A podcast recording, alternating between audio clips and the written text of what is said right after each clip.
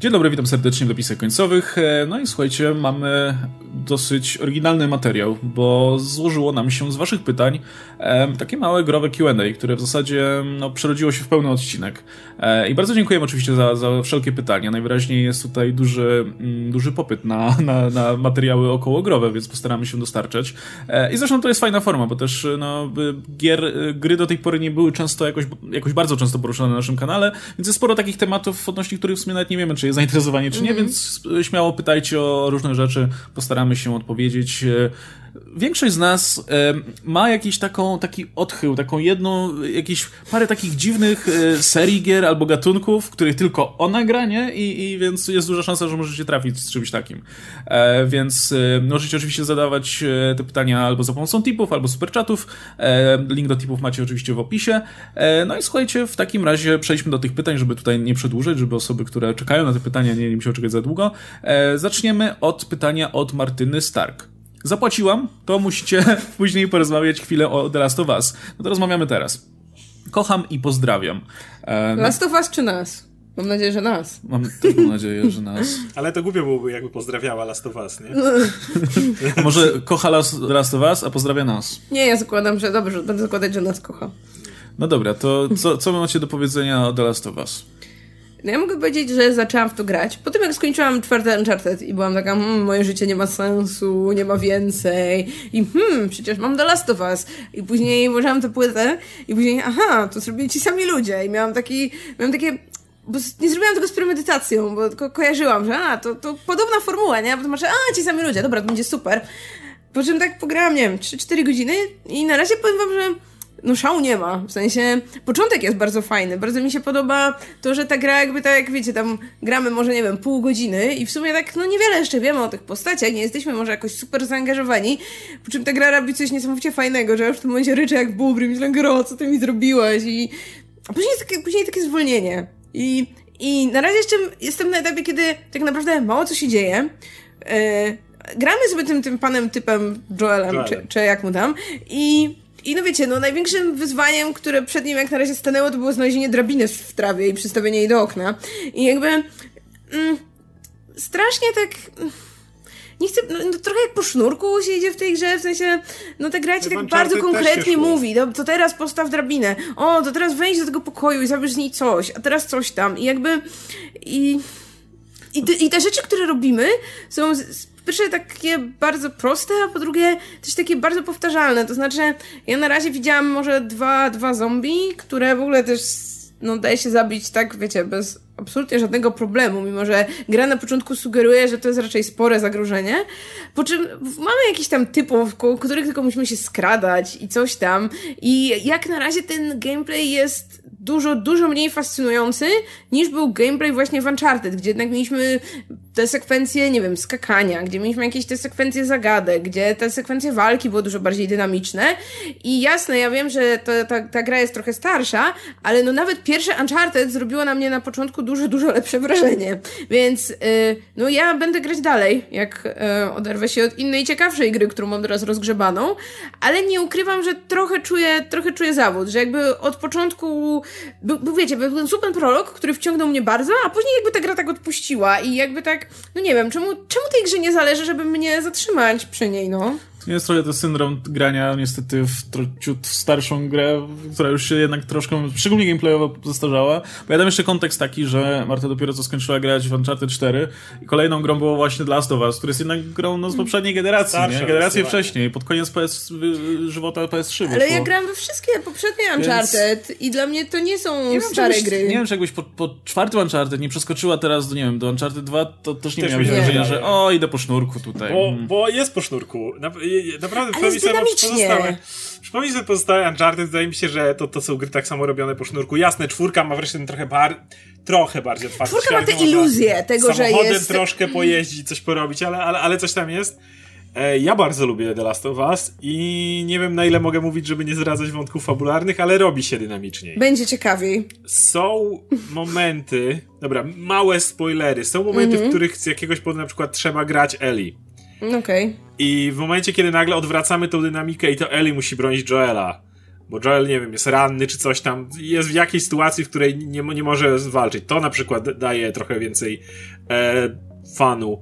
Jest, trochę inne zombie się pojawiają czasami, ale ta, ta gra ewidentnie, ona jest zrobiona w tym stylu tego świata, zombie nie mają znaczenia. Jakby będzie się spotykało coraz gorszych ludzi, którzy czasami będą mieli, mają się wrażenie, że może nie są tak źli, a potem się będzie okazało, że są bardzo źli. E, i, I jakby ci ludzie będą naprawdę przerażający.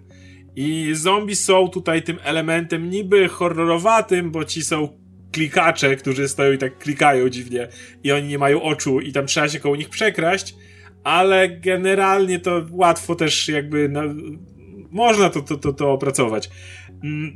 Co mi się bardzo podoba w The Last of Us, to ta chyba najbardziej kontrowersyjna strona. Nie będę spoilował dokładnie, ale chodzi o zakończenie. Bo wiele osób ma pretensje do tego, że w zakończeniu Joel podejmuje pewien wybór. I my nie mamy wpływu na ten wybór. Żadnego. Joel go po prostu podejmuje. I wiele osób jest, było bardzo oburzonych tym, że oni by wybrali inaczej. A ja się z tym tak kłóciłem. Uważam, że to był jedyny wybór, który Joel mógł podjąć w tej sytuacji. Mówię, to, to, to jest takie zakończenie, w którym tak, gdyby to był pełen RP, gdybyśmy tego Joela prowadzili tak jak chcemy, gdyby były opcje dialogowe, e, jakieś może rozwój, to wtedy pewnie fajnie byłoby, gdyby na końcu to się do czegoś sprowadziło. Ale ponieważ to jest historia opowiadana właśnie tak jak Uncharted, gdzie Joel i Ellie są konkretnymi bohaterami, to to, co robi Joel na końcu, choć jest moralnie bardzo kwestionowalne, uważam, że jest jedyną decyzją, jaką mógłby podjąć i ja kocham to zakończenie. Więc jak do niego dojdziesz, to, to, to zrozumiesz, o co mi chodzi. Może będziesz chciała inaczej, ale, ale uwielbiam to i, i, i twórcy mieli jaja, żeby bohatera, który no niby jest tym pozytywnym gościem, zrobić coś nie do końca moralnie pozytywnego, ale szczególnie jakby wiemy, wiemy z czego to wynika. E, natomiast jeśli chodzi jeszcze o gameplay, to mm, Last of Us było pierwszą grą, w której e, z wielu późniejszych, w której określiłem, że bohater jest chciwy.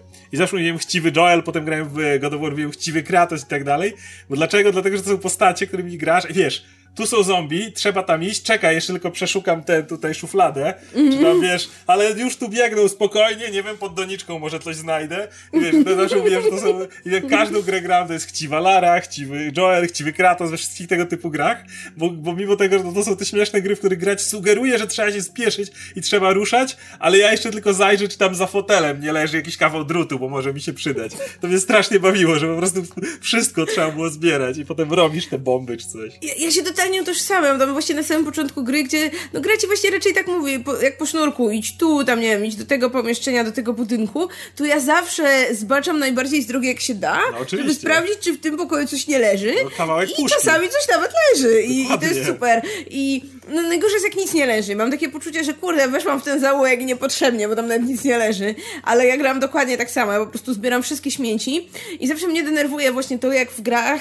yy, jak gry silą się na ten realizm, że możesz mieć przy sobie ograniczoną liczbę przedmiotów i jak Joel podniesie jedną deskę, to nie mogę wziąć jeszcze drugiej deski i cegły na zapas, bo mogę mieć tylko jedną deskę. I zawsze mam tak, że jak potem zniszczę tę deskę, bo tam obiłam kogoś tą deską, ale pamiętam, że tam była druga deska, to ja się cofam jeszcze pod drugą deskę. I tak. dopiero, dopiero idę do przodu, tak, tak więc... I, więc... To jest, I to z punktu widzenia relacji wygląda dziwnie.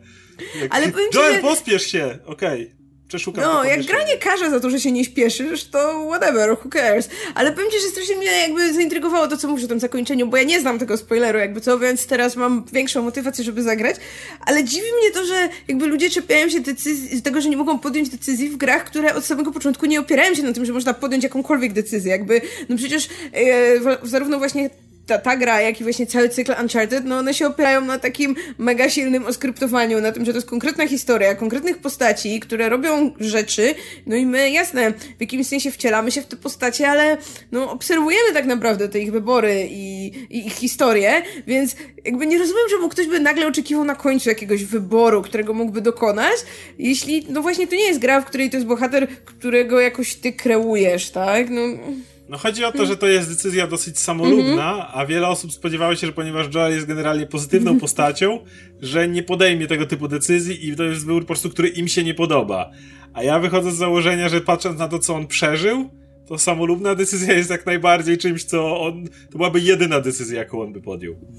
To się, to się wpisuje w ten ogólnie trend tutaj, jak ludzie odbierają popkulturę, nie? Jako coś, co ma mi służyć i tak. ma y, spełniać moje zachcianki, a nie jako jakiś wyraz kreatywności jakiegoś twórcy, nie? Jak, to, to jakby twórcy tej gry chcą opowiedzieć konkretną historię, więc no... Y, albo ci się to podoba, albo nie. No, natomiast y, z drugiej strony patrząc, no to jakby jest taki trend, nie? Że, że coraz więcej gier wprowadza jednak elementy interaktywności. Wydaje mi się, że to też wynika trochę z przyzwyczajenia, że, że w wielu innych grach się, nawet jeśli wcześniej tego nie było, to nagle się pojawiło, nie? No Assassin's Creed tak no, masz, na przykład, że nagle ale... się pojawiły kurcze wybory, mimo że to, to też jest gra o konkretnej postaci. Może te wybory mm. nie mają znaczenia w tej grze, ale, ale są. Możesz wybrać sobie. No. Możesz wybrać, czy chcesz iść w tą stronę, czy w tą stronę, nie? I to nic nie e, zmienia. I, I to nic nie zmienia. I, I, myślę, że po prostu to jest też kwestia przyzwyczajenia. Ludzie się po prostu są rozczarowani, bo oczekiwali tego, czego, co widzą w innych grach, nie? A jednak nikt nie gra tylko w, ten jeden rodzaj gry, um, tylko, tylko gra, tylko no, w parę innych tytułów, gdzie, gdzie te elementy się pojawiły. Więc okej, okay, tylko że no mówię, trzeba mieć w głowie to, że mm. jeśli twórcy wymyślili ta, taki rodzaj gry, no to trzeba to zaakceptować, nie? Ale w ogóle, znaczy, y, mnie się całkiem podoba właśnie ten taki specyficzny rodzaj gier, które są trochę bardziej doświadczeniem niż, niż grą. Znaczy, jeszcze w tej serii tego tak aż super może nie widać, bo jednak stosunkowo i tak dużo tu można robić. W Uncharted dalej uważam, że jakby można robić jeszcze więcej, no bo właśnie tam jest i eksploracja, i zagadki, i elementy walki, elementy kierowania pojazdami i tak dalej. Dużo z tych różnorodnych czynności, ale jeszcze teraz, tak powiedzmy dwa dni temu, zanim nagrywamy ten materiał, yy, pograłam sobie w Hellblade, yy, który w dwa dni przeszłam, to Sinuous Sacrifice i to jest dopiero doświadczenie, jakby to, to jest gra, którą w paru jakby tak nie wiem, w połowie trudno nazwać grą tak naprawdę, bo, bo to, jest, to jest taki walking simulator z dodanymi elementami walki, ale taką, taką walką powiedzmy na maksa podstawową, gdzie tak naprawdę ma tam się trzy ruchy od samego początku gry do samego końca gry. Ten sam, tam też, nie wiem, trzy rodzaje przeciwników, jakby cały czas się robi to samo i jakby to...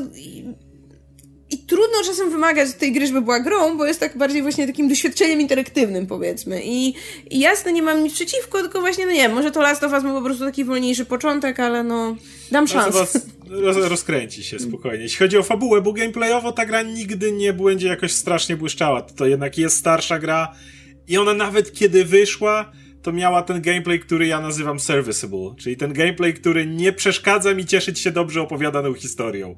Bo jest sporo takich gier właśnie, które mają nierewelacyjny gameplay, ale, ale przynajmniej nieupierdliwy, bo na przykład e, nie wiem, czy graliście w Bioshock Infinite, gra, która miała cudowną fabułę, świetnie rozwinięte postacie, ale gameplay aktywnie przeszkadzał mi cieszyć się tą, tą grą. On był tak fatalny, był tak zły, że był fatalny. To, że taki sam, no tam każda spluwa była identyczna, po prostu te czary były upierdliwe. Na, na, nagle miałeś nalot przeciwników w bardzo emocjonującej scenie, ale nagle wytacza się milion przeciwników i musisz ich pokonać. Nie wiadomo skąd, ale musi być gameplay, więc róbmy to. Fatal, fatalny gameplay był w tej grze. Kolejne pytanie od uh, I don't know how to Japa.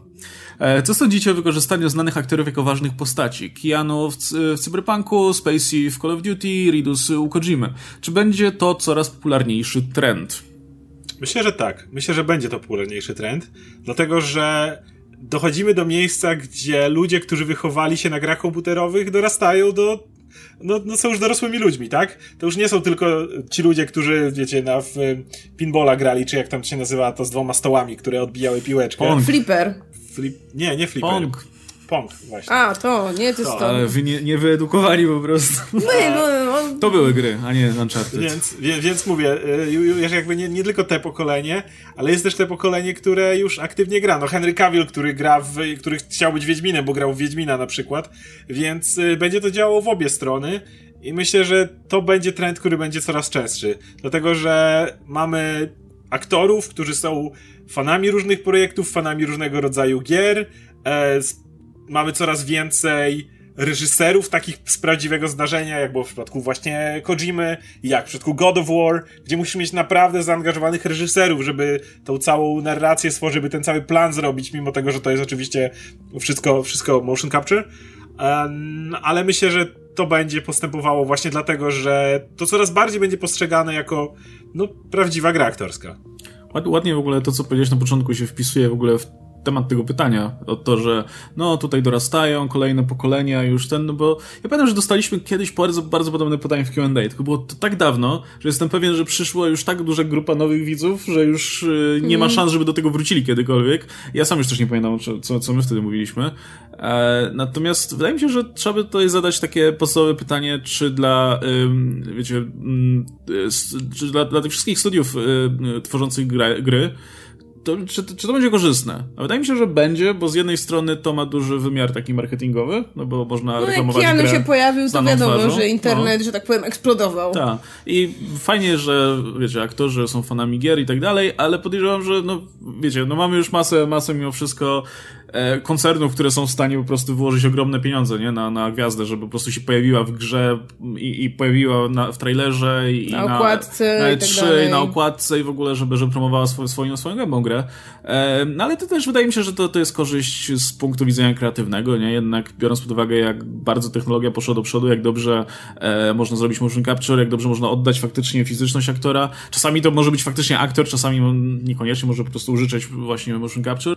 E, to wydaje mi się, że jak najbardziej, nie? Jakby użycie do, y, zawodowych aktorów, którzy e, nie tylko mają nazwiska, mają też doświadczenie faktycznie, no to, to na, na pewno, wiecie, dużo wniesie mimo wszystko do, do produkcji. E, jeśli mamy grupę aktorów, którzy się specjalizują po prostu w odtwarzaniu postaci w grach i pojawi się na planie ktoś z doświadczeniem, wiecie, w masie filmów, no jest to pewnie, że jest że, że, że, sporo tych aktorów jest w stanie podchwycić coś od, od wiecie, od kogoś bardziej doświadczonego, czy, czy, um, czy, czy biorącego udział w wielu różnych projektach projektach, więc wydaje mi się, że jak najbardziej, nie? Bo to będzie skutkowało korzyściami. Znaczy, mnie jakby nie zależy, żeby to wiecie, były takie wielkie, znane twarze, wielkie, znane nazwiska, ale jestem ogromną fanką tego trendu, kiedy faktycznie do gry bierzemy już nie tylko aktora, który po prostu podłoży głos, ale właśnie aktora, który odegra tak naprawdę to który wszystko, a najlepiej właśnie tak. w towarzystwie też innego aktora czy aktorów. No jakby tutaj właśnie chyba tym koronnym przykładem jest God of War. Ja jestem po prostu przeogromną fanką tego, no jak ta gra jest faktycznie zagrana, no, że mieliśmy na planie i Kratosa, i Atreusa, którzy grali ze sobą, którzy grali właśnie w pełnym mockupie, że to nie są tylko głosy tych aktorów, ale że to jest cały ruch ich, że to są jakby, no oni, a jednocześnie wiecie, to nie są też takie ich twarze wciśnięte po prostu w te postacie z gry, które tak od razu rozpoznajemy, no tylko tam jest też ogromna jednak praca, żeby te postacie, no, były, no, na własnych warunkach, tak? No jakby, no widząc Kratosa, nie widzimy moim moim zdaniem, przynajmniej od razu, wiecie, Christophera Judge'a, tylko trzeba, no może trzeba sprawdzić, kto tam był w środku, prawda? Że to nie był tylko głos i tak dalej. E... Mam wrażenie, że to pytanie właśnie tyczy się bardziej tych sytuacji, kiedy Na sytuacji, kiedy mamy właśnie tych, że tak powiem, aktorów, celebrytów, no spoko, no jeśli jakby dobrze w tej grze zagrają, jeśli nie są tam tylko, tylko po to, by jakby no marketingowo to gdzieś tam e, rozeszło się echem, no to spoko, jasne. I, e, Pamiętam, a też graliśmy całkiem niedawno w Until Dawn, no gdzie też mamy aktorów, którzy też byli w motion capture, a, też byli na planie i właśnie częściowo to są bardzo znane nazwiska. Jednocześnie mam wrażenie, ich nazwiskami tej gry nie reklamowano, w sensie, no nie wiem, tych nazwisk nie ma na pudełku, ich twarzy nie ma na okładce no. i o tym, że oni tam są, to ja się dowiedziałam, jak gra już jakby zaczęła lecieć, tak? Nawet, nigdzie mi się nie obiło uszy wcześniej, że ci aktorzy tam są, że ta gra tak wygląda, a to jest kurczę super, no i, i to jak najbardziej działa i, i takie występy, no, no pewnie, jasne, tylko właśnie, żeby, żeby mm, żeby to jakby było dobrze, dobrze wykorzystane, no żeby to nie było tylko, wiecie, twarz na okładce. Ale wydaje mi się, że branża gier tego nie potrzebuje, tak? No branża gier jest chyba silniejsza tak naprawdę niż branża filmowa. Jest. Ale Więc... ja, ja nigdy nie byłem fanem w filmach, w animacjach brania e, znanych aktorów do ról głosowych, bo tam brało się to dokładnie tylko i wyłącznie z tego mm. powodu, żeby byli na twarzami na na, na czerwonym dywanie, na prawda? czerwonym dywanie, żeby ich nazwiska były i tak dalej. Dlatego, że aktorzy, którzy zajmują się na co dzień voice actingiem, są według mnie zwykle o poziom wyżsi niż, niż ci aktorzy, którzy grają całym ciałem, jeśli mówimy tylko i wyłącznie o udzielaniu głosu. Oni wiedzą dokładnie, jak w tej budce e, wiadomo, głos dostosować do odpowiedniego, do tego, co się dzieje na ekranie, kiedy aktorzy, którzy grają w, normalnie w filmach nie mają tego doświadczenia, tego przełożenia i to widać bardzo. Jasne, fajnie znany głos, ale mimo wszystko jak posłuchacie, jak bardzo mogą też modulować aktorzy, którzy mają długie doświadczenie głosowe, to wiecie, że oni potrafią 5-6 różnych głosów na luzie zrobić, kiedy taki aktor filmowy zrobi jeden. Swój. Swój. Natomiast tu jest ta różnica, że właśnie dochodzi gra aktorska. Dochodzi faktycznie gra całym ciałem. I w tym momencie ci aktorzy, którzy mają doświadczenie filmowe, nagle mają atut, którego znowu aktorzy głosowi już niekoniecznie, bo ci byli przyzwyczajeni głównie do, do, do odgrywania w budce.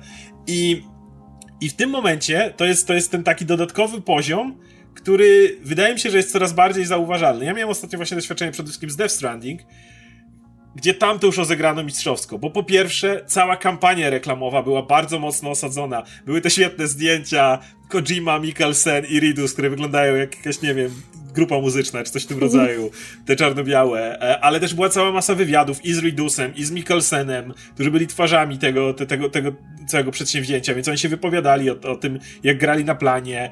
E, widzieliśmy przebitki, jak jest scena, w której oni muszą się tak jakby objąć i, i mówili o tym, ile razy musieli, że jak byli przyzwyczajeni do normalnej gry aktorskiej, że się non stop zderzali tymi hełmikami, tymi kamerami, wiecie, które mają na głowie i musieli do tego się dostosować. No dobrze, ale to mówimy o tym, o tym kontakcie, wiadomo, to trzeba się do tego dostosować. Ale póki grają w realnym dystansie do siebie, no to grali dokładnie tak samo, jakby grali w filmie. E, Lia Sidhu, która też tam jest fantastyczna, jest Death Stranding i też ona, ona wnosi dużo do tego wszystkiego. E, I, i, i są, ma, mamy prawdziwych reżyserów, właśnie tutaj Kojima jest tym reżyserem, który już nie tylko tworzy to w studiu, ale też autentycznie praca kamery nagle ma znaczenie. Tego, jak, jak, jak to wszystko to działa. I to zaczyna tak bardzo fajnie łączyć się z filmem, że naturalnym jest to, że ludzie, którzy mają faktycznie kupę doświadczenia w tym, co robili przez laty, będą przechodzili do tego medium. Bo mówię, jest to duże zbliżenie i ja jestem wielkim fanem tego, tego, tego zabiegu. No dobra, to mam, wydaje mi się, że, że wyczerpaliśmy temat. E, to przeskoczmy do kolejnego pytania, e, od, również od I don't know how to Japa. E, wspomniano o remake'ach uznanych gier. Myślę, że wiele z nich nie nadaje się do przerobienia dla dzisiejszego gracza. Jakie jednak? Czyli jakie jednak tak. Jakie, jakie się nie nad... Nie, no jakie się nie nadają. Bo jest jakie chyba. jednak. A. Więc zakładam, jakie się jednak nadają. Mafia... No musimy pogadać o tych, które się nadają, które się nie nadają. Podają się, podają się przykłady. Mafia, RPG przygodowe. Mafia to jest taki osobny gatunek. Własny, własny rodzaj gry. E, to znaczy, wydaje mi, jakie się nadają? Wydaje mi się, że im, im mocniejsza jest fabuła w danej grze, tym, ba, tym lepiej Łatwiej. się nadają, bo wtedy tą fabułę możesz zostawić, a pod to dostosować e, no, resztę, tak? Gameplay, silniki, tego typu rzeczy. E, I wtedy jakby tworzysz nową grę de facto. No ale tym powinien być remake, nie? No, now, nowym dziełem, które jest jako, jakieś tam oparte o, o to stare dzieło. No i tak by wyglądały też te gry, nie? Jakby brałyby fabułę. Pewnie tą fabułę też by trzeba jakoś tam zmodyfikować, wiadomo, nie? Natomiast jakby baza byłaby podobna. E, natomiast no, mam wrażenie, że, e, że jednak w przypadku robienia remake'u, no jednak trzeba sięgnąć po te tutaj rozwiązania współczesne, nie? Tak samo jak remake'ujesz film, no to nie kręcisz tego filmu raczej e, z pomocą metod, wiecie, u, tak. używanych w, w, czasie pierwszego filmu, nie? E, dlatego też wydaje mi się, że e, no ciężko było zrobić remake, nie wiem, jakiejś gry, która jest oparta tylko i wyłącznie na gameplayu, jakiegoś no. Super Mario na przykład, nie? No możesz niby, ale to jakby zrobisz to po, współcześnie, no, to, to już jest kompletnie inna gra. część Ta, no. Mario, właśnie o to chodzi. No. Nie, nie, ma żadnego Natomiast sensu. Jak, wiesz, e, e, tutaj podaję na przykład RPG, nie? Wydaje mi się, że w ogóle JRPG są, są świetnym przykładem. Wspominaliśmy o Final Fantasy przy okazji tego materiału, do którego tutaj się pytający odnosi, e, ale to e, remake'i JRPG wychodzą od, od, od, zawsze praktycznie, nie? I tam Square w zasadzie na wszystko wydaje te swoje Final Fantasy kolejne osłony, na, na co się da. I to zawsze polega na tym samym, że To są remastery. E, no nie, są remake'i na zupełnie, wiesz, nowych silnikach, nie? E, zrobione pod... Y, na PSP wychodziło tego, tego całkiem sporo, na, na DS. To nie chyba. są de facto remastery dalej, tylko po prostu na wiadomo, wyższa rozdzielczość i tym, czym jest remaster. No dobra, ja nawet jednak... nie o tym mówię. Chodzi bardziej o to, że wiesz, bierzesz JRPG i weźmiesz, nie wiem, grę taką jak Final Fantasy, nie wiem, 4, czy 5, czy 6. To są fajne gry, które mają cały czas fajne fabuły. E, no bo to się nie zmienia, nie? Jakby, jakby historia i zwroty akcji, i przeciwnicy i tak dalej, to, to jest wciąż, jakby to się nie starzeje. E, natomiast, no wiadomo, że jakby sama forma tej gry się już zestarzała. Natomiast bierzesz ją po prostu, osadzasz teraz w, e, w ramach jakiegoś właśnie zupełnie nowego silnika i, i dajesz nowy system walki, który jest troszkę bardziej, wiecie, w, w, no nie wiem, bliżej tego, co dzisiaj e, gracze tego, tego gatunku znają. I dalej masz, wciąż możesz czerpać przyjemność z tej fabuły, z tej gry de facto, a jednocześnie no to jest już troszkę inne dzieło. Wydaje mi się, że, e, że właśnie to byłby ten taki dobry punkt zaczepienia w przypadku remakeowania gier. Czy nawet właśnie jakby ciągnąc tę myśl dalej, weźmy te gry, w których właśnie to na gameplay trzeba było przymykać oko, który z jakichś przyczyn był ich najsłabszą częścią. I tutaj no pierwszą rzeczą, która mi przychodzi do głowy, to też już parokrotnie wspominany przed, przez nas Vampire the Masquerade Bloodlines, no bo jakby, jakby fabuła tej gry, świat tej gry, to są wspaniałe elementy. Jakby ktoś to faktycznie, wiecie, zremakeował tak porządnie, żeby z, od, od początku napisać ten gameplay na jakimś silniku, który byłby dużo, dużo lepiej do tego przystosowany. Albo też gra, o której wspominaliśmy parokrotnie, jakby e, na przykład Arcanum, które no w tym momencie dla, dla współczesnego gracza wydaje mi się ma niezwykle wysoki próg wejścia, bo ta gra jest ogromna, ta gra jest średnio czytelna tak naprawdę, też, też wizualnie. Tam jest cała masa, wiecie, rzeczy na rzeczach, jak to, jak to mówi Oskar. Ma, tak, ma, ma całą masę mechanicznych rzeczy, które no kiedyś to może była norma w tych, wiecie, starych RPGach, gdzie człowiek siedział z tym starym podręcznikiem i tam wertował te rzeczy, ale dziś nikt by w to już nie grał. I... Nie, jakby to przełożyć na ten silnik z Original Sin 2 na przykład. No tak, ale żeby też graficznie na przykład elementy żeby, jak mamy już ten taki ala rzut izometryczny, to jednak, żeby to nie było takie płaskie jak w Arkanum, tylko właśnie jakby takie już wyciągnięte jednak w to 3D, jak Original Sin. Przepraszam, że ja tak mówię nieprofesjonalnie, nie wiem jak się te rzeczy nazywają.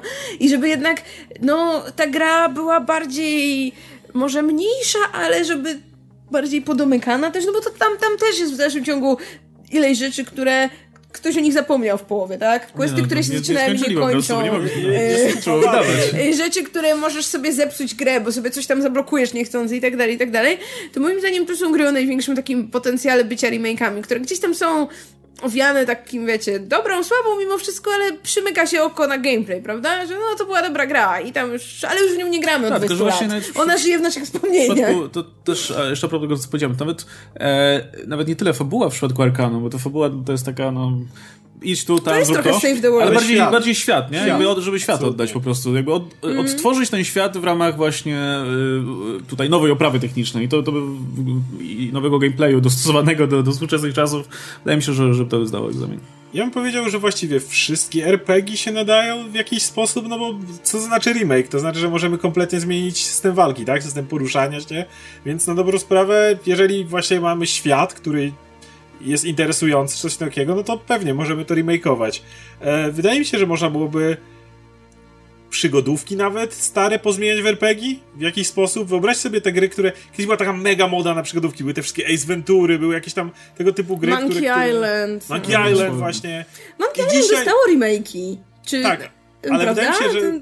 Tylko, że wydaje mi się, że one dalej są przygodówkami. Mhm. A dzisiaj nie ma absolutnie The Longest Journey. O, to była bardzo popularna gra. O Jezu, jakby ktoś zrobił grywalne, znaczy bardziej grywalne The Longest Journey, bo to też jest gra, którą ja rewelacyjnie wspominam i próbowałam do niej wrócić. No jest to bardzo dlatego, ciężkie. przygodówki się nie, dzisiaj nie przebiją. No przecież było to całe Telltale Game, które de facto próbowało otworzyć przygodówkowy system, no i firma zbankrutowała.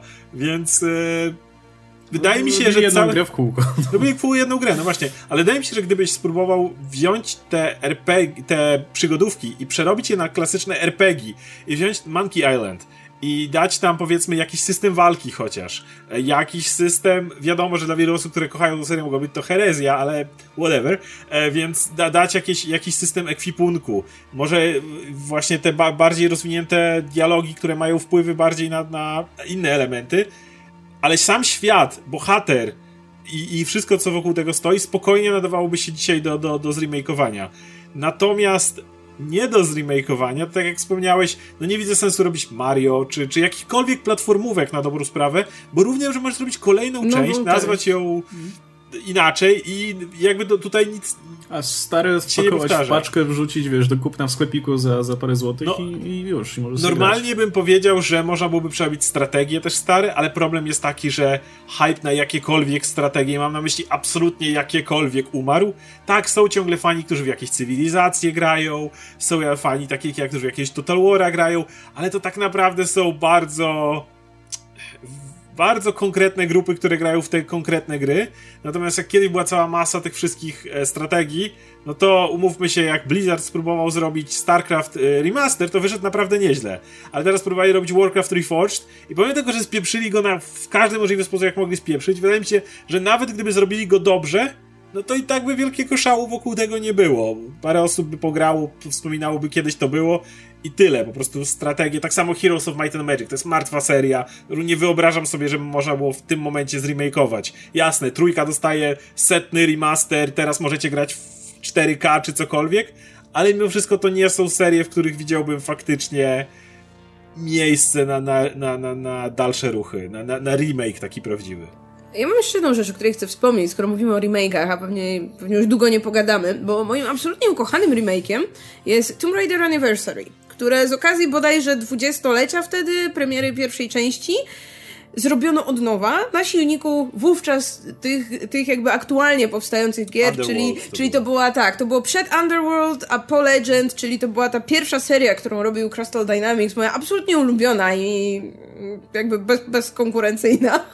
I, i, I Anniversary jest absolutnie najlepszą z tych trzech gier, bo ona wzięła wszystko to, co było najlepsze w pierwszej części i zmieniła wszystko inne pod aktualne czasy, kiedy powstawała, pod aktualny silnik i pod aktualną grywalność. Jakby i wiecie, i to jest przykład gry, która tak naprawdę wzięła koncept, wzięła pomysł, taki wiecie, zarys w ogóle na lokację, na, na, na ten gameplay i zrobiła wszystko od nowa. Jakby trudno, trudno powiedzieć, że nie wiem, ta gra stała fabułą, no bo fabuła w tej grze to jest takie, e, musisz szukać McGuffina i, i tutaj ktoś zlecia ci szukanie McGuffina, więc lecisz najpierw do jednego kraju, po czym się orientujesz, że a, tego tu nie ma, albo o, mam tylko jedną część, więc lecisz do innego zupełnie miejsca i to jest, wiecie, to jest tak naprawdę takie e eksploracja plus akcja plus zagadki i z tej starej, z tej pierwotnej pierwotnej wersji no wzięto takie najbardziej podstawowe rzeczy, typu o, tu były jaskinie i tu były wilki, a potem się szło. I zrobili to wszystko na nowo, zrobili absolutnie nowe zagadki, zrobili no, no zupełnie też już inny system ruchów, sterowania. I to jest najlepsza gra, jaką ja dostałam w życiu z tej marki. I moim największym życiowym marzeniem jest to, żeby oni zrobili remake'i kolejnych starych części. Żeby zrobili remake dwójki, która była absolutnie najlepsza z tych starych. Żeby zrobili remake czwórki, która z kolei była taką najbardziej spójną, taką całościową historią. No, no, no zróbcie to, nie róbcie tych głupich nowych części. Nowe części są dobre. Znaczy Shadow był Znaczy nie, no to odpadłam od tej ostatniej trochę. Shadow, tej... Shadow nie przeszedłem, nie dałem Właśnie... To była, ale to była widać gra, gdzie mm. na przykład wchodzisz do wioski tubylców, wszyscy mają jedną twarz. Jak, tak, jakby gdzie, to była... Skądś cię gościu kojarzę, przed chwilą kazałeś mi coś robić. I tam była cała masa pustych przestrzeni, przez które chodzisz nie wiadomo po co.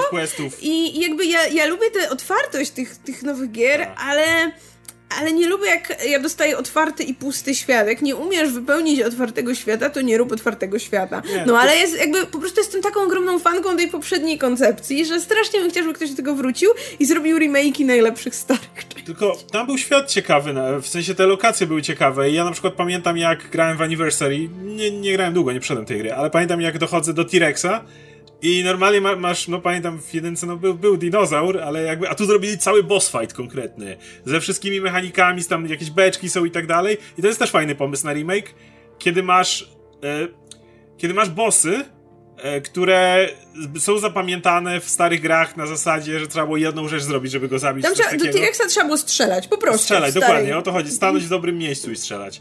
E, ale, ale jest to jakoś zapamiętane, bo wtedy, wow, dinozaur na mnie biegnie i to wystarczyło. A tu pomyśleli, nie, dobra, teraz e, atrakcyjne są jakieś walki z bossami. Więc ten T-Rex ma mechaniki swoje, jakieś tam szarże na ciebie robi, musisz odbiec, tu musisz beczkę strzelić, tu musisz robić coś takiego. I to też jest jakiś fajny pomysł na, na, na remake na pewno. Ja ciekaw jestem, czy, czy, czy do, do, do, dotrzemy do takiego momentu, kiedy będzie jakaś fala w zasadzie remake'u, że to się Fajnie stanie by modne, było. nie? Fajnie było, ja nie mam nic przeciwko. Jestem, no bo jakby widać w tym momencie sporo takich mechanizmów, które działają w kinie, jakby w grach, które działają w kinie, nie? Jakby to, że na przykład mega mocno się studia przywiązują do tych swoich marek, nie? E, przykładowo, no, nie, nie, Ubisoft nie zrobi gry o piratach, tylko robimy Assassin's Creed i doklejmy tam tych ludzi w kapturach, żeby, żeby było, nie? E, te, te Origins też mogą być równie dobrze osobną grą zupełnie, ale nie Assassin's Creed, bo, bo, bo marka. I z masą marek tak jest, nie? E, i te, te, te gry, które w zasadzie są trochę soft reboot, rebootami, nie? Równie dobrze możesz je grać bez znajomości poprzednich części. God of War jest też tak. Też Ubisoft tak samo zrobił z Prince of Persia, prawda? Po tym jak miał tę udaną trylogię, to kolejna część nie miała ani nic wspólnego z poprzednią trylogią, ani nie miała tak naprawdę nic wspólnego z dotychczasową serią, ale dokleili tam tytuł. Jakby przy okazji wyszła im niechcący najlepsza gra z tej serii, ale jakby no, ale... trudno mówić też o jakiejś ciągłości w ramach marki. No, ale wiesz, że jeszcze były te czasy, jak im nie wyszedł Prince of Persia, to zrobiło się Assassin's Creed z tego, nie? Dzisiaj, dzisiaj było, nie było szans na coś takiego, nie? Dalej by było Prince of Persia, e, Arabian Nights, coś tam, nie? I, ale jeśli się tym zastanowisz, to Watch Dogs jest trochę pochodną też od Assassin's Creed'a, jakby nie może? patrzeć. No i ta trzecia część Watch Dogs chyba też będzie już trochę inna, nie? Ale też, też doklejamy ją do Watch Dogs. Tak. Nie, ale wiecie, no bo jednak no, gry działają trochę inaczej, nie? Jakby ten postęp technologiczny w dużo większym e, zakresie z, jakby wpływa na, na, na sam rynek, nie? Jakby no, jak kręcili filmy, no to, to jednak to się nie, sama esencja kręcenia filmu się nie zmieniła do dzisiaj, nie? Jakby zmienił się sprzęt, ale no jakby nie, nie masz takiej dużej różnicy, gdzie mimo wszystko no to na czym odpalamy te gry już ma duże znaczenie, jak one wyglądają. Ale Więc... wspomniałeś God of War, to też jest seria, którą te, wiecie, początki God of War spokojnie można by zremakeować. Masz wyrazistego bohatera i wyrazistą fabułę i gameplay, który na maksa Pewnie. się zestarzał. Pewnie. Właśnie pytanie, nie? Czy, to czy, nadaje absolutnie. czy twórcy gier wpadną w, ten sam, w tą samą dziurę, którą padli twórcy filmów, że kurczę, no nie róbmy nic nowego, róbmy remake'i, kurczę, ludzie, ludzie to lubili, to, to jakby dużo tych marek, które nawet E, które, w które nawet ludzie już nawet nie grają, ale one istnieją jakoś na świadomości, nie? Z tym Tomb Raiderem wspomnianym no, na, na czele. E, I to, to jest wciąż jakby studnia rzeczy, z których można czerpać, po którą jeszcze nikt się jakoś bardzo nie schyla, ale kto wie, czy prędzej, czy później ale jest duża tak, różnica, dlatego, że w przypadku filmów, po pierwsze to są dwugodzinne zwykle rzeczy i nawet ja mogę wrócić sobie do starego filmu i to wyobrazić sobie, ale jednak to było znacznie większe medium przez większość naszego życia nawet. Więc e, w tym momencie, jeżeli mówisz o grach starszych, to ilość e, ludzi, która zaczęła grać w gry, no przez ostatnie lata rosła i rosła i rosła i rosła. I w tym momencie masz masę ludzi, nawet takich, które byłyby w odpowiednim wieku kiedyś tam, żeby grać, tylko po prostu ich to medium nie interesowało. Dopiero rozwój tego medium jakoś do nich dotarł przez dostęp konsoli, mobilnych rzeczy, whatever. I wydaje mi się, że jest po prostu cała masa treści, która jest w ogóle nieruszona i przez to, jak one są toporne, umówmy się w wielu przypadkach, ciężko je byłoby dać dzisiejszemu graczowi do skonsumowania, kiedy z filmami no jednak jesteśmy w stanie sobie dużo łatwiej przeskoczyć, mogę odpalić film nawet z lat 60., wiedząc jaka jest epoka, poświęcić te dwie godzinki, obejrzeć go i sobie jakoś to przeżyć. No kiedy odpalam teraz grę z lat 90., mogę dalej cieszyć się fajną narracją, tak jak mogę przeczytać książkę sprzed 100 lat, ale jednak tu dochodzi gameplay, który będzie mnie tak raził i tak mnie będzie odrzucał i kazał mi y, tak zdawkowo przyjmować tą historię, że no niestety będę miał z tym problem. I dlatego wydaje mi się, że jednakże remake gier mają dużo większy potencjał i to na coś dużo lepszego niż po prostu o odgrzewanie w kółko tego samego. Plus jeszcze ostatnie zdanie, na wypadek jakby słuchał nas ktoś, kto nie wiem, może z tym cokolwiek zrobić. Wiecie, co powinni zremakeować? Nie, nie zrobił Tomb Raidera. Nie, czekaj, mam coś lepszego. Pierwszego Deus Exa. No bo, come on, czy była, to, jest, to jest gra, która jest zawsze, wiecie, wymieniana w tej czołówce najlepszych jakby tam RPGów, które zrobili, jakby z wyborami, które są nawet pochowane przed graczami, że gracz na przykład nawet nie wie, że o, a tutaj w sumie może zabić tę postać i to będzie miało wpływ później, albo odwrotnie, może tam kogoś nie zabijać, tylko uciec i coś tam, coś tam, coś tam, ale ta gra wygląda jak kupa, no jakby przepraszam, ona wygląda w tym momencie tak, że nie wiem, jakakolwiek osoba, no. która jakby nie gra w tę grę z sentymentu, odpali ją sobie teraz i będzie się nią cieszyć i powie, no kurde, no zajebista gra, no moja ulubiona. A, jakby, Właśnie, a te nowe jest... części jakby, wiecie, one próbowały i żadna z nich nie doskoczyła po prostu do pierwszego Deus Exa, więc zremakeujcie to po prostu. Z tym jest taki problem, że jak ktoś się wychował na tych kwadratach, to jeszcze jest szansa, że takiego Deus Exa by odpalił. Ale jeżeli ktoś wskoczył w ogóle w szeroko rozumiane granie, powiedzmy na, przy PlayStation, nawet 3, już mówiąc o 4, no to już dla niego to już nie jest gra, nawet to już nie jest grafika, którą można jakkolwiek zaakceptować, bo mówię, ja, ja pewnie jeszcze bym mógł do tego wrócić, ale, ale absolutnie rozumiem, że no osoba, dla której, okej, okay, postacie muszą w grze wyglądać konkretnie, mieć dłonie, a nie kawałki kwadratów na końcu rąk, no to siłą rzeczy muszą być tak zrobione, dokładnie. No, to jest, ale to jest, z grami jest właśnie ten, spe- zresztą może ostatnia rzecz, że tutaj, tutaj e, że gry są tyle specyficzne, że gdzieś tak właśnie w latach 90 jak się, jak się, jak gry się zaczęły robić w 3D, No. to jest ten dziwny moment, kiedy nagle przestajesz akceptować te rzeczy, nie? Jakby jesteś w stanie się cofnąć do tych gier 2D, tych Tak, ja mogę grać nie? w Baldur's. Gate, ale nie mogę grać w Deus Exa, nie? Bo tu, Tak. mimo, że to jest starsza gra, tak? Tak, ja, wiesz, ja mam tak, że jestem w stanie bez problemu. To, wspomniałem wcześniej o Final Fantasy, o tych częściach właśnie 4, 4, 6, które są moimi ulubionymi. To mam do nich największy sentyment. E, ale nawet pomimo tego, mogę, mogę do jakiegokolwiek JRPG takiego właśnie z epoki Super Nintendo się cofnąć, no bo to jest takie, no kurczę, piksele, jakby twoja wyobraźnia działa, nie? A w którymś momencie, jakby jak ta grafika się Od próbuje siódemki. robić troszkę zbyt realistyczna, e, właśnie to jest ten moment, kiedy się pojawia Nintendo 64, pierwszy PlayStation, nie? Tam te, te gry, gry PC-owe, które tam akceleratorów 3D już zaczęły używać.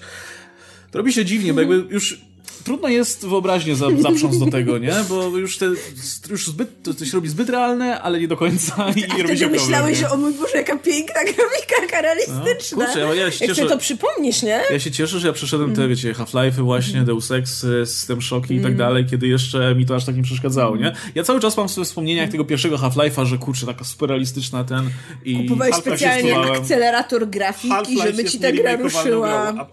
Odpowiadając na pytanie, Half-Life jest mnie kompletnie nieremakeowalną grą. Bo jeżeli ją zremakeujesz, to główny bohater musi zacząć mówić. Jeżeli główny bohater zacznie mówić, to jakby duża część tej gry zniknie. Nie, nie jakby musi. Ja jestem tutaj, jeżeli musi. Można nowej grze zrobić który bohatera, mówi który nie mówi, No, o, to pewnie. byłoby dziwne. Według mnie to jest nieremakeowalne, ale Nie. czego. Nie, kwestia przyzwyczajenia. E, no dobra, słuchajcie, to... Chyba tak wyczerpująco, że musimy biec dalej. Dobra, e, kolejne pytanie. Docent Świrozaurus. Czy tylko ja uważam, że jest za... O Jezu, jak ja nie cierpię tych pytań. Czy tylko ja? Czy tylko ja? E, przepraszam. Chodzi o konstrukcję, nie o samą treść tak, pytania, nie, nie, nie. tylko- Pytanie jest bardzo ciekawe. E, czy, czy tylko ja uważam, że jest za mało gier o tematyce LGBT? E, fajnie by było zobaczyć ich więcej. E, też pytanie, czy macie ulubione pary LGBT w grach? E, to ja, ja, ja powiem pierwszy, bo ja, ja najkrócej. E, nie... Ja zwykle w, w grach, gdzie tego typu romanse występują najczęściej, czyli w jakichś RPGach na przykład, jakichś grach, gdzie można samemu prowadzić fabułę. Zresztą to są gry, które ja zwykle gram, nie? najczęściej. Nie, nie, jakoś nie, nie jarają mnie aż tak bardzo gry, które się opierają na fabule, będące właśnie doświadczeniem, tak jak powiedziałeś, mnie to aż tak... Ja lubię, jak świat jest po prostu ciekawy i tyle. E, no, więc w tego typu grach zazwyczaj wybieram sobie jakiegoś pana, którym gram, e, bo jestem tutaj, lubię się utożsamiać z postacią, utożsamiam się zwykle z innymi panami. E, więc e, zwykle w tych grach nie natrafiłem nigdy na opcję, e, mm, żeby gra mi na przykład musiała narzucić e, homoseksualny romans.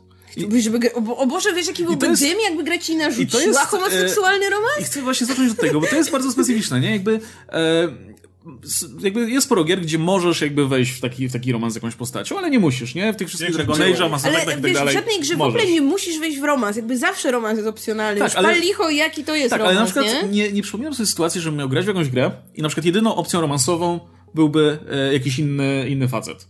Nie było takiej opcji. No bo kto ci zrobi taką grę? nie? Czekaj, jest, ta, jest taka gra, bo zaczęłam w nią grać i to, jest, to się nazywa coś w stylu e, Dating Daddy Simulator, gdzie grasz ojcem samotnie wychowującym dziecko i romansujesz z innymi ojcami z sąsiedztwa. Okej. Ale to jest bardziej jak visual novel, że po prostu masz, masz odpowiedzi i, i wtedy możesz po prostu sobie wybrać jednego z panów, który ci bardziej pasuje. No więc- Ale to jest wyjątek, no bo jakby, no generalnie wiesz, no w RPG-ach przez to, że masz wolność wyboru, to gra ci w ogóle nie może narzucić tego, że musisz mieć romans, a co dopiero jak jeszcze by ci narzuciła romans wyłącznie homoseksualny, no to przecież nikt by w to nie grał, jakby byłyby tak, taka afera by była. No właśnie kurczę, nie? Ale to, to tak odpowiadając na pytanie, no to zwykle też wchodzę w romanse tutaj heteroseksualne, no bo, bo tak bardziej się utożsamiam, więc nigdy nie trafiłem, szczerze mówiąc, na, na jak- właśnie uświadomiłem Wyjdź ze sobie, swojej że... strefy komfortu. No właśnie, nigdy nie, uświ- nie uświadomiłem sobie, że nigdy nie trafiłem na, na grę, w której to zostałoby przeprowadzone tak fajnie, żebym, że, wiesz, że- żebym e, jakby naturalnie to wyszło, nie? E, więc, e, więc nie, kurczę, to mi dało do myślenia. Muszę kiedyś spróbować i zobaczycie, jak, jak tego Musisz typu spróbować- relacje są pisane. Może właśnie w grze, gdzie są to fajne opcje, jakby w sensie, gdzie po prostu postać, ta, ten NPC, który ewentualnie miałby być tą twoją postacią romansową, jakby nie wiem, generalnie go chociaż lubisz, nie? Bo czasem te postacie ja są po prostu sobie- tak irytujące, że to nie to, że nawet wybierasz romans z jaką płcią chcesz mieć, co bardziej, hej, to jest najbardziej sympatyczna postać, więc jak już to wybiorę tę konkretną postać, Tak, ja, ja prawda? pamiętam, to... pamiętam Dragon Age 2, gdzie w zasadzie E, był ten Mac jeden, który był, ten Mac. Tak Anders, Anders był moim wyborem, ale był... potem mnie zdradził. Tak i moi, i... Wszyscy byli tak okropni po prostu w tej grze i i, I, tam chyba tam, tam może było więcej nawet opcji właśnie. Dragon Age 2 to już jest ten moment, kiedy no na pewno masz postacie homoseksualne. Masz Izabelę, która jest biseksualna, ta, która jest opcją romansową dla... Ta piratka. A, tak, która postać... wygląda jakby roznosiła choroby weneryczne. Wszystkie, wszystkie możliwe. No super. No więc... Dobry wybór. Ja miałem wrażenie, że ten mag e, był pisany przez osobę heteroseksualną, która sobie wyobraża, jak wygląda osoba homoseksualna. Tak, ale on, mam wrażenie, że on był tak on stereotypowym był... gejem po prostu. On ale był tak... dla kobiet dostępny, bo ja z nim romansowałam, więc... Okay. On musiał być pisany przez scenarzystów programów na TTV, bo dokładnie to był taki, taki wizerunek Dokładnie, to, to, był, to był taki, taki, taki na maksa przerysowany chyba... stereotypowy gej. No. Taki, wy chyba mówicie tak o Dragon Age 3. Nie, nie, dwójka. Nie, ja nie grałem. No to w dwójce nie było homoseksualnego maga, mógł być raczej biseksualny. No to, no to może był biseksualny, no to okay, no to, Bo ale ja z nim miałam romans, okay. więc... Ale był pisany w takim razie, jak ja grałem męską postacią, mm-hmm. no to ja miałem wrażenie, że jak z nim rozmawiałem, że go pisze osoba, która nie ma pojęcia, jak wyglądają rozmowy z osobami homoseksualnymi, tylko ma z jakiejś y, po, ogólnej popkultury i to tak z dziwnych to jest, miejsc ale to jest właśnie wrażenia takie, na ten temat. Ale to bardzo często trafiasz w grach na, na postaci, które po prostu są takim stereotypowym wizerunkiem geja, który tak. po prostu boisz się odwrócić przed nim, bo zaraz po prostu cię zaatakuje, nie? Dokładnie. To jest takie, to, to jest... Te postaci są pisane po prostu w taki sposób, wiesz, nie jak, jakby bycie y, y, homo, homoseksualistą byłoby ich cechą charakteru, nie? Tak, I... miałeś ja pamiętam, że były memy z wyborem, e, z wyborami dialogowymi, gdzie musiałeś manewrować tak, żeby nie pójść z tą postacią do łóżka. Generalnie właśnie okay. każda rozmowa z tą postacią prowadziła do tego, że ej, może jednak, a może jednak, a może jednak. I tak myślisz sobie, kto to pisał? Znaczy, to jest ten, w pewnym momencie BioWare tak zaczęło pisać i Mass Effecta i Dragon Age. No właśnie chyba to najbardziej było widać w drugim Mass Effectie, gdzie tam autentycznie już prawie z każdym można się przespać ze swojego statku. I w... Ale po co, jak, jest, jak są Asari, więc... Ale, znaczy, okej, okay, to ja, ja wam powiem, jaki jest mój ulubiony. Przykład chyba postaci e, LGBT, i to jest Iron Bull z trzeciego Dragon Age'a, bo on jest po prostu super, on jest kapitalną postacią i y, on jest oczywiście postacią, z którą każdy może romansować, bo teraz jest, teraz ja raczej pisze się postacie, raczej częściej się mam wrażenie pisze postacie biseksualne niż homoseksualne, żeby po prostu każdy miał wybór na zasadzie, że hej, lubisz tego towarzysza, to dajemy ci możliwość romansowania z nim bez jakby takiego już właśnie przydzielania y, tych postaci do, do konkretnych tutaj preferencji. I kurczę, i, i Iron Bull jest super, bo on ma swoją właśnie, on ma swoją historię, która jest taka dosyć przyjmująca. On jest z konkretnej rasy, on jest kwarianinem, on ma wielkie rogi i tak dalej. I to też jest ważne, jest jakby trochę inaczej podchodzi do pewnych kwestii niż, nie wiem, człowiek, którym tam się bodaj domyślnie gra. I jakby dla niego ta, wiecie, ta kwestia seksualności nie jest super istotna, w sensie, no tam u nas, u nas to tak, whatever, nie? I, i, i to jest super. I, I właśnie jest, wydaje mi się, że no, no nie wpada w żadne jakby właśnie takie stereotypy i, i tak. I do tej pory żałuję, że jednak moja postać go nie wybrała. W sumie, kurczę, jest pytania o to, um, o, o gry ogólnie o takiej tematyce. E, no to fakt, no jakby jest mało, Z nie? gier, które nie są RPGami i gdzie powiedzmy ta kwestia no bo, jest powiedzmy ta, bardziej no. na pierwszym planie, to z tych, które ja grałam, to chyba przychodzi mi do głowy tylko Life is Strange, gdzie no jakby ta główna bohaterka drugoplanowa Chloe, no to ona zawsze jest lesbijką, a nasza główna bohaterka Max, jakby to jest trochę do wyboru przez nas. No I, no ale że tak powiem, no. kanonicznie wydaje mi się, że chyba, chyba, chyba jest. No w każdym razie u mnie była i to było takie mega naturalne. Główna bohaterka nie musi być, a nie musi być, Chloe ale... jest, ale ja nie grałem w ten, tą, nie wiem, czy to dodatek, czy co Before the Storm. No ja też nie grałam. tylko Chloe i, i, jeżeli ktoś, no bo jeżeli ktoś chce temat mocno LGBT, no to Life is Strange generalnie o tym nie jest. E, jeżeli ktoś ale chce, to jest ważne. Jeżeli, no tak, ale jeżeli ktoś chce odpowiednio poprowadzić tą, tą historię, no to główna bohaterka może mieć ten inny motyw romantyczny. Może tam tego, ten chłopak jest taki, który się tam pojawia, który e, ewidentnie na nią leci, a, a cała historia może być jakby motyw romantyczny może być, ale najważniejszy jest motyw przyjaźni tych dwóch postaci. To jest jakby naj, ta naj, najważniejsza cecha. Natomiast jak dobrze rozumiem, znowu nie grałem, to w Before the Storm ponieważ Chloe jest główną bohaterką, to tam motyw LGBT siły rzeczy będzie raczej bardziej rozbudowany. E, jeśli chodzi o moje gry, no to The Last of Us, które zaraz wychodzi, druga część, gdzie siły rzeczy Ellie to ja pamiętam, jak był ból tyłka o to, że w dwójce tak jasno, że de, de, pamiętacie, jak ten trailer był, w którym e, ona, one się całują i to jest ten straszny ból był. A jedynka była, w jedynce Ellie była stosunkowo młoda i tam to jest ten moment, kiedy człowiek określa swoją seksualność. Jest cała masa, według mnie właśnie to jest świetnie napisane, że Eli w wieku, w którym jest, wyraźnie widać, że ona ma, ma swoją najlepszą przyjaciółkę i ewidentnie zastanawia się nad tym. Ale no to nie jest jeszcze ten wiek, w którym takie rzeczy się wie zwykle. To jest ten wiek, w którym człowiek nie do końca sam wie jeszcze, wiadomo, określa się. I było to napisane, według mnie to jest tak płynne przejście do tego, że no widziałem, to, to jakby to, to było wy, wy, wyraźnie rozwijane, więc jeszcze nie graliśmy w The Last of Us 2, gdzie ten wątek będzie dużo mocniejszy oczywiście, bo Eli już jest w takim wieku, że już wie czego chce, ale, ale wydaje mi się, że skoro trailery są tak pokazane, to można mieć nadzieję, że to będzie odpowiednio poruszony wątek.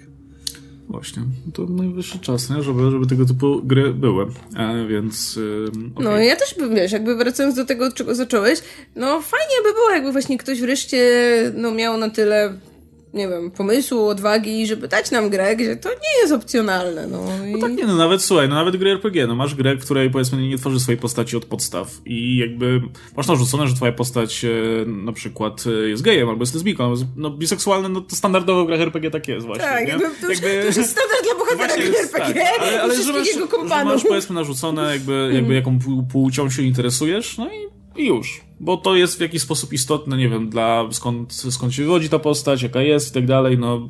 E, no ale tak, ja nie widziałem czegoś takiego ja, do tej pory, więc... Ja nie przepadam, szczerze mówiąc, za tym w grach BioWare'u. Bardzo za tym nie przepadam, BioWare'u że... to nie, bo ja bym wolał, żeby to zrobił ktoś z wyczuciem, a nie, a nie BioWare. No właśnie, ja nie przepadam w ogóle za tym z grami BioWare'u, bo właśnie miałem wrażenie, za każdym razem, kiedy z jakąkolwiek postacią e, wchodziło się na ten wątek, to miałem wrażenie, że to jest właśnie ta, ta, ta, ta taka skrojona pod ciebie lalka, która może się obrócić jak tylko masz na to ochotę i to mi kompletnie zabijało autentyczność. W zasadzie to, to było inaczej, to było tak, że za każdym razem miałeś po prostu ten mini wątek, gdzie musiałeś po prostu z kimś gadać i, I gadać i gadać, dawać prezenty albo coś E, żeby po prostu przed finałową misją dostać prezent w postaci cutscenki z dwoma e, tutaj e, średnio zanimowanymi postaciami w, no, w łóżku, nie? I to ja w sumie tyle. w ogóle nie... Gdzie nie w Dragon Age to zawsze było takie odpychające. W pierwszym Dragon Age oni mieli taką paskudną bieliznę, takie wielkie majty.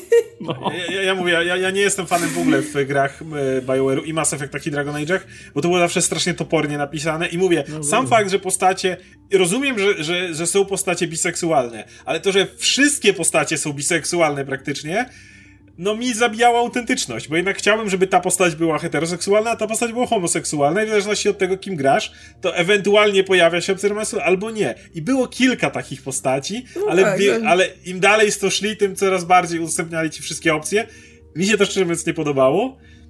I jeśli chodzi o jakiś taki dobrze napisany wątek, to musiałbym się naprawdę zastanowić, bo w tej chwili nic mi przychodzi do głowy. Natomiast co jest ciekawe i co mi się w miarę podoba, będę chwalił Blizzard, chociaż ostatnio nie ma za wielu powodów, żeby chwalić Blizzard.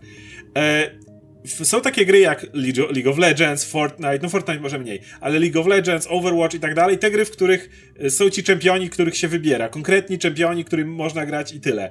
I jakby było to naturalne, że dana postać na przykład może mieć napisane, że ma relację z inną postacią fabularnie. Na przykład mają wspólny awatarek, albo um, Riot, czyli firma, która robi League of Legends, robi im cinematic wspólny, albo nawet dosłownie są, jest taka w League of Legends, jeszcze jak grałem, była para postaci, które jak wychodzą i gra się nimi razem, to one mają skille, które się nawzajem mogą jeszcze dodatkowo komplementować, bo to jest oczywiście mężczyzna i kobieta. I mając to na uwadze, że ogólnie jest mimo wszystko postrzeganie tych postaci przez pryzmat homoseksualnych albo heteroseksualnych, choć w większości przypadków to nie jest określone, bo w tych grach nie jest to ważne, ale skoro mamy ileś tam postaci określonych jako heteroseksualnych, bo widać to, no to Blizzard wyszedł z tym i jest na przykład Tracer, czyli postać, która jest, którą de facto Overwatch jest reklamowany. Jeżeli widzieliście jakieś plakaty Overwatcha, to prawdopodobnie widzieliście Tracer, e, która jest homoseksualna. I to jest bezpośrednio jakby w wszelkich motywach, jeżeli są do tego odniesione, to wiemy, że ta postać jest homoseksualna. Co jest ciekawym odniesieniem do tego, że to nie jest istotne, ale hej, skoro robimy postacie heteroseksualne w tych grach, to może zróbmy też postać, która gdzieś tam przy okazji jest wspomniana jej, jej seksualność. Uważam, że to jest całkiem fajny ruch.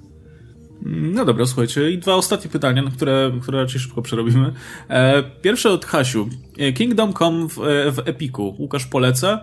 E, ponoć jest za darmo. tak, jeśli... bo to jest to, że Epic ma tam co tydzień czy co dwa jak... tygodnie grę za darmo do Tak, to jak jest za darmo, to poleca. To spróbuj, pograj sobie, nie wiem, dwa wieczory, wywal w cholerę i zacznij grać w coś, co jest grywalne i przyjemne i spędzić czas lepiej.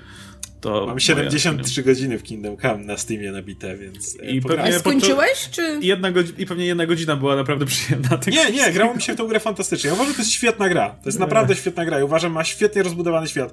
Miałem kupę frajdy z grania, postacie były fajnie napisane. Ja się nie zgadzam, może to jest naprawdę dobra gra. Tylko jest tak kurewsko zabagowana, że nawet jak ja grałem, to im dalej dochodziłem i w końcu miałem baga, w którym chyba jakaś postać mi zginęła w nieodpowiednim momencie i stwierdziłem, dobra, enough is enough. I, i tyle, więc to była, ja uważam, że to była naprawdę fajna gra. I jeżeli ten deweloper, że to czeski, sam fakt, że mogłem sobie pojeździć po tym świecie, który był tak swojski, to jeszcze mi dawało dodatkowy element. Wjeżdżałem do tych wsi, które rozpoznawałem, ich architekturę i ja miałem, to nie miałem... Ja miałem wspaniały... Come on, się, to jest bardzo podobne do wielu polskich wsi. E, ale, ale, ale niestety, ja sobie tę grę paczowali, może dziś jest dużo lepiej, ale mi zaszedłem bardzo daleko i w końcu stwierdziłem, że mam dosyć, bo już któryś kolejny bug mi utrudniał grę. No ja zaczęłam w to grać kiedyś, po tym jak ty robiłeś chyba live z tą grą i hej, tak się nią ekscytowałeś, że taka fajna. Tak? tak, był taki moment w twoim życiu. A, to I... sam początek. No mówię, dwa wieczory i starczy. I mnie się, mnie A się dużo i na rzeczy... konsoli i potem jeszcze na PC. Mnie się właśnie dużo elementów tej gry podobało. Podobało mi się, że to jest taki trochę symulator, nie do końca, jakby, że łączy właśnie cechy i RPG i symulacji właśnie, że to jest ten, ten klimat średniowieczny, że tam jest dużo takich faktycznie elementów yy, silących się na realizm. I... Trzeba było jeść, trzeba było spać. Tak, tak, tak, tak. Ten, ten, nie wiem, właśnie to, to średniowiecze takie no bliskie temu, co tam wiecie, znamy z historii, te wszystkie stosunki feudalne, te, te, wiecie, tutaj to rycerstwo, tutaj ci mieszczanie i tak dalej, no to, co moim, co jakby u mnie tę grę zabiło, e, bo ja chyba nawet do żadnych bugów jeszcze nie doszłam, no to była jednak ta toporność. I to była toporność polegająca na tym, że nie byłam w stanie otworzyć skrzyni w tej grze, bo po prostu mechanizm otwierania skrzyń na tylko dzień dobry... Tylko na padzie, tylko na padzie, na PC grało się bez problemu z otwieraniem okay. skrzyni. Pamiętam jak z Łukaszem o tym gadaliśmy i on mówił, że na padzie otwieranie skrzyni jest prawie niemożliwe. Na Podobno myszce... to poprawili potem, Podobno ale... potem poprawili, ale, ale na myszce nie było z tym problemu. E, czy na przykład w ogóle mechanizm walki? No ja pamiętam, że jak ktoś mnie próbował uczyć walki, to ja w ogóle ja nie byłam w stanie, więc moja przyjemność z tej gry polegała na tym, że tam sobie trochę pojeździłam na koniu, tam pochodziłam po mapie i tam porozmawiałam z ludźmi, tam już miałam ileś tam w ogóle zadań. Chociaż były też, były też takie momenty, że się wchodziło do miasta i tam chyba nikt nie mówił nic ciekawego, czy... No, ta, ta, ta, ta gra miała taki zróżnicowany balans, powiedzmy, ale... Yy no, no była zbyt toporna. Ja bym chciała, ja, ja, mnie się tego typu rzeczy podobają, ba, mnie wręcz brakuje trochę tego typu rzeczy, bo to miało w sobie coś właśnie na przykład z y, Elder Scrollsów, gdzie tak, mamy ten no ogromny no świat i takie mm, jakby tą narrację musisz sobie trochę w głowie budować, trochę właśnie sam sobie wymyślać, bo tam nie ma jakichś wyborów, to twoja postać nie jest nie ma jakichś cech za bardzo i tak dalej. I ja bym chciała coś takiego pograć, no tylko kurczę, to musi być gameplayowo niestety dużo, dużo mocniej dopracowane, no się gameplay podobał i walka na początku jest upierdliwa i też miałem z nią problem, ale jak mm. się opanuje, to daje kupę i jak twój Henryczek ze, ze wsi staje się chodzącym Terminatorem, to miałem, miałem nie, nie wiem, ja mam może ten problem, ja, ja, ja nie, nie, do końca lubię jak gra zmusza mnie do jakiejś takiej wielkiej nauki i, i wiecie, i, i masterowania jej, bo ja nie po to tu jestem, no jakby ja już nie mam tyle czasu co kiedyś, ja chcę wrócić z pracy i odpalić tę grę i się dobrze bawić, a nie myśleć o tym, że pogram jeszcze tydzień i wreszcie nauczę się walczyć mieczem, nie? No, ja, to jest... Co kto lubi, no jakby to nie jest inherentna wada gry, to zależy od waszych no, preferencji, myślę, jest, nie? Wiesz, masa graczy, których, których generalnie ja, ja to, kiedy mogą poświęcić czas nie, na no, to, pewnie, żeby tak. stawać się lepszym i tak dalej. No popularność tych wszystkich soslajków, no to, to, to, już jest coś, co to... myślę jasno na to wskazuje. co zresztą pojawi... lubię, ale, ale to co zresztą, no, ale wiesz, te, podobne podejście jakby łączące powiedzmy te gry, nie? Jakby to, to się zresztą pojawiło w odpowiedzi na, na, na popularność mm. casualowych gier, które, mm. też, które też się nagle pojawiły, nie? Ja, jest, ja jestem brudnym casualem. Ja, jest trochę po, po środku. Ja lubię poświęcić czas w jakiejś grze, ale też, e, też jednak w, lubię, kiedy mi to daje przyjemność, nie? Jakby e, nie ten, stary już jestem na to, żeby, wiesz, poświęcać czas na to, żeby sprawić, żeby gra dopiero była przyjemna dla mnie. Może, może kiedyś, albo może... Może jak będziemy na emeryturze, może zatoczymy to koło, nie? No może może. będzie remake Kingdom Come. Ja lubię dochodzić do met- momentu, w Taki, którym moja taki postać jest maksymalnie po prostu. Ja lubię dochodzić do momentu, w którym moja postać jest lekko overpower, więc w Soulsach tego nie mam, a tutaj w Kingdom Come już jak najbardziej miałem, więc jak już nauczyłem się walczyć, jest motyw, w którym ci tam jeden z tych e, szlachciców mówi idź tam Henryk, weź sprawdź, czy tam w obozie ilu tam ich jest i przyjdź i nam powiedz. Więc ja wszedłem do tego obozu niechcący wyrżnąłem cały obóz. Moi tam biegli na mnie, a to ja już byłem tak, wiesz, że to następny, następny i, i wraca, potem Henryczek taki upierdolony krwią i, i najlepsze jest, że no, duży obóz, huh, dużo ludzi, musimy przygotować na tarcie. A Gdzie? Wszystkich zabiłeś. Ale lubię takie rzeczy. No i dobra, i ostatnia rzecz, e, ostatnie pytanie, jakie dostaliśmy od Bartosza Nowaka. Czy ktoś z was miał styczność z serią Yakuza? Nie, nie mam pojęcia co to jest. Ja, ja kiedyś, mm, kiedyś e, chciałem zagrać, bo ja wiem o co chodzi w tych grach. Jakby jesteś właśnie członkiem Jakuzy, tak zdobywasz tutaj pozycję. To, to jest jak. To Jak jest, mafia? to, nie, to jest jak Shenmue. Ta seria Se, Segi, tak? Była jedynka, dwójka, teraz trójka jakoś chyba nigdy, wyszła, ale tak? Dobrze, że E, odniesienia. To, to jest, to po prostu jakby to jest taka gra, która polega na chodzeniu, wykonywaniu misji i... Trochę jak GTA do pewnego stopnia? Tylko bez Trochę, samochodu? trochę tak, tylko. No, trochę tak. Jakby taki. Wiecie co? e, Kojarzycie gry z, z, w stylu beat'em up. Idziesz przez miasto, Mm. bijesz się, otwiera się nowy etap, bijesz się i tak dalej, tylko to jest troszkę bardziej rozbudowane, nie? Jakby, a mniej więcej na tym To polega już po wiem, prostu. czemu się tym nie interesowałam. E, i, no i to jest. I, i kurczę, mówię- myślę sobie, że to jest. To ma fajny klimat, no bo to jednak jest cały czas utrzymane tutaj w tej e, stylistyce japońskiej. Akcja się dzieje w Tokio, wszystko jest powiązane tutaj z, z, z japońską kulturą i tak dalej. Myślę sobie, że kurczę, fajna skocznie, nie? Ale jakoś, kurde, jakoś nigdy nie Kurde, dużo okazji. tego jest. No, jak Pięć widać. części. Czy one wyszły chyba tylko na konsolę i żeby cokolwiek powiedzieć, a, ale wydaje mi się, że gra, która może być mi, minimalnie w podobnym style, tylko dzieje się e, w kraju na e, zachód od, od Japonii, czyli w Chinach, e, czyli Sleeping Dogs. To jest gra, w którą grałem, gdzie jesteś z kolei członkiem triad.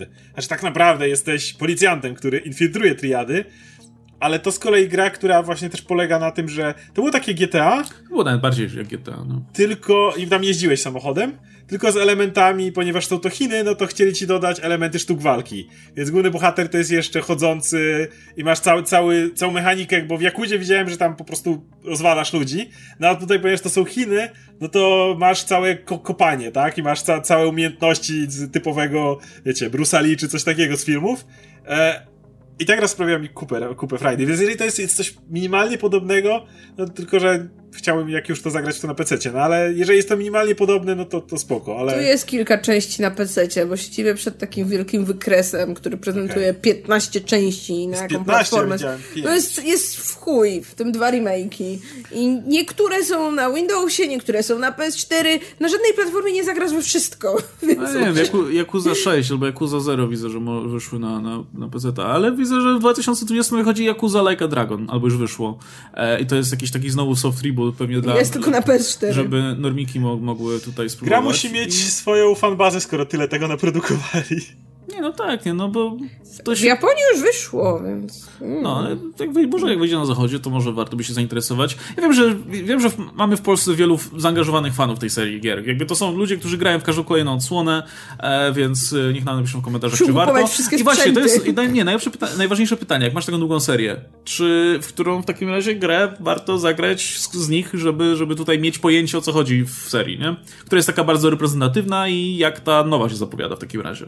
E, bo no, to, to, to jest właśnie jedna z tych specyficznych serii, którą wiecie, e, znajomy się interesuje i gra w te gry od samego początku i wie o nich wszystko, ale, nikt, ale nie ma, nie ma o, o, z kim o, o nich pogadać, nie? Poza internetem, bo, bo, bo nikt inny się tym nie interesuje. Więc, e, więc poczekamy na wasze komentarze w takim razie w tej sprawie. E, I to by było chyba na tyle, nie? Także będziemy się, e, będziemy się żegnać. E, No, zachęcamy do dalszego zadawania pytań. Słuchajcie, jeśli tych pytań o gry będzie na tyle dużo, no to będziemy możemy regularnie robić Q&A po Całe prostu odcinki. skupione na, na grach. Robić, zrobimy takie małe getto grom i będziemy tam po prostu wrzucać wszystkie pytania. No, a poza tym też, też zresztą nie rezygnujemy z robienia od czasu do czasu materiałów takich regularnych o, o Hmm. Kiedyś grach się właśnie. spotkamy, pogadać, w co ostatnio graliśmy. No, Jak ja wyjdzie jakaś gra, muszę która wszystkich interesuje, że Cyberpunk to spokojnie będzie tą grą Ale to jeszcze Może trzeba wcześniej poczekać, coś nam się się uda, nie? przerzuciło. Ale właśnie kto wie, y, na pewno nie, ja i Łukasz na pewno będziemy te Watch Dogs sprawdzać. Kto wie, co jeszcze wyjdzie. Jeżeli będzie jakaś taka gra, tak jak z God of War'em się zdarzyło, że akurat wszyscy byli jakiś tam czas po przejściu tej gry, czy ja z Radkiem musieliśmy przy Mortal Kombat i jaraliśmy się tym, to pewnie o tym pogadamy. My niedługo może będziemy po tym Original Sin, to możemy pogadać z tobą. Ja, ja zawsze, Original Sin będę gadać zawsze. Tylko cudowna gra. No dobra, słuchajcie, także jeszcze raz przypomnę, że możecie zadawać pytania za pomocą superchatów e, lub tipów. Link do tipów macie w opisie. Em, No i e, jeśli, no właśnie, jeśli znowu się uzbiera tych pytań, no to może się spotkamy przy, przy okazji kolejnego Q&A. E, Była z nami Marta Najman, Oskar Rogowski, ja się nazywam Łukasz. Do zobaczenia w kolejnych odcinkach. Trzymajcie się. Cześć!